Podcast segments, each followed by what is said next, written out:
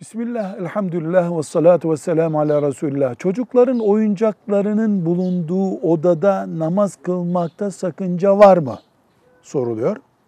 Sesli bir oyuncak, kıblenin kıble tarafında duran oyuncak elbette namazda huşu açısından yani namaz ciddiyeti, namaz ağırlığı açısından sakıncalı. Ama çocukların oyuncaklarının bulunduğu bir odada namaz kılınmaz. O namaz sakıncalıdır diye de bir kural yoktur. Velhamdülillahi Rabbil Alemin.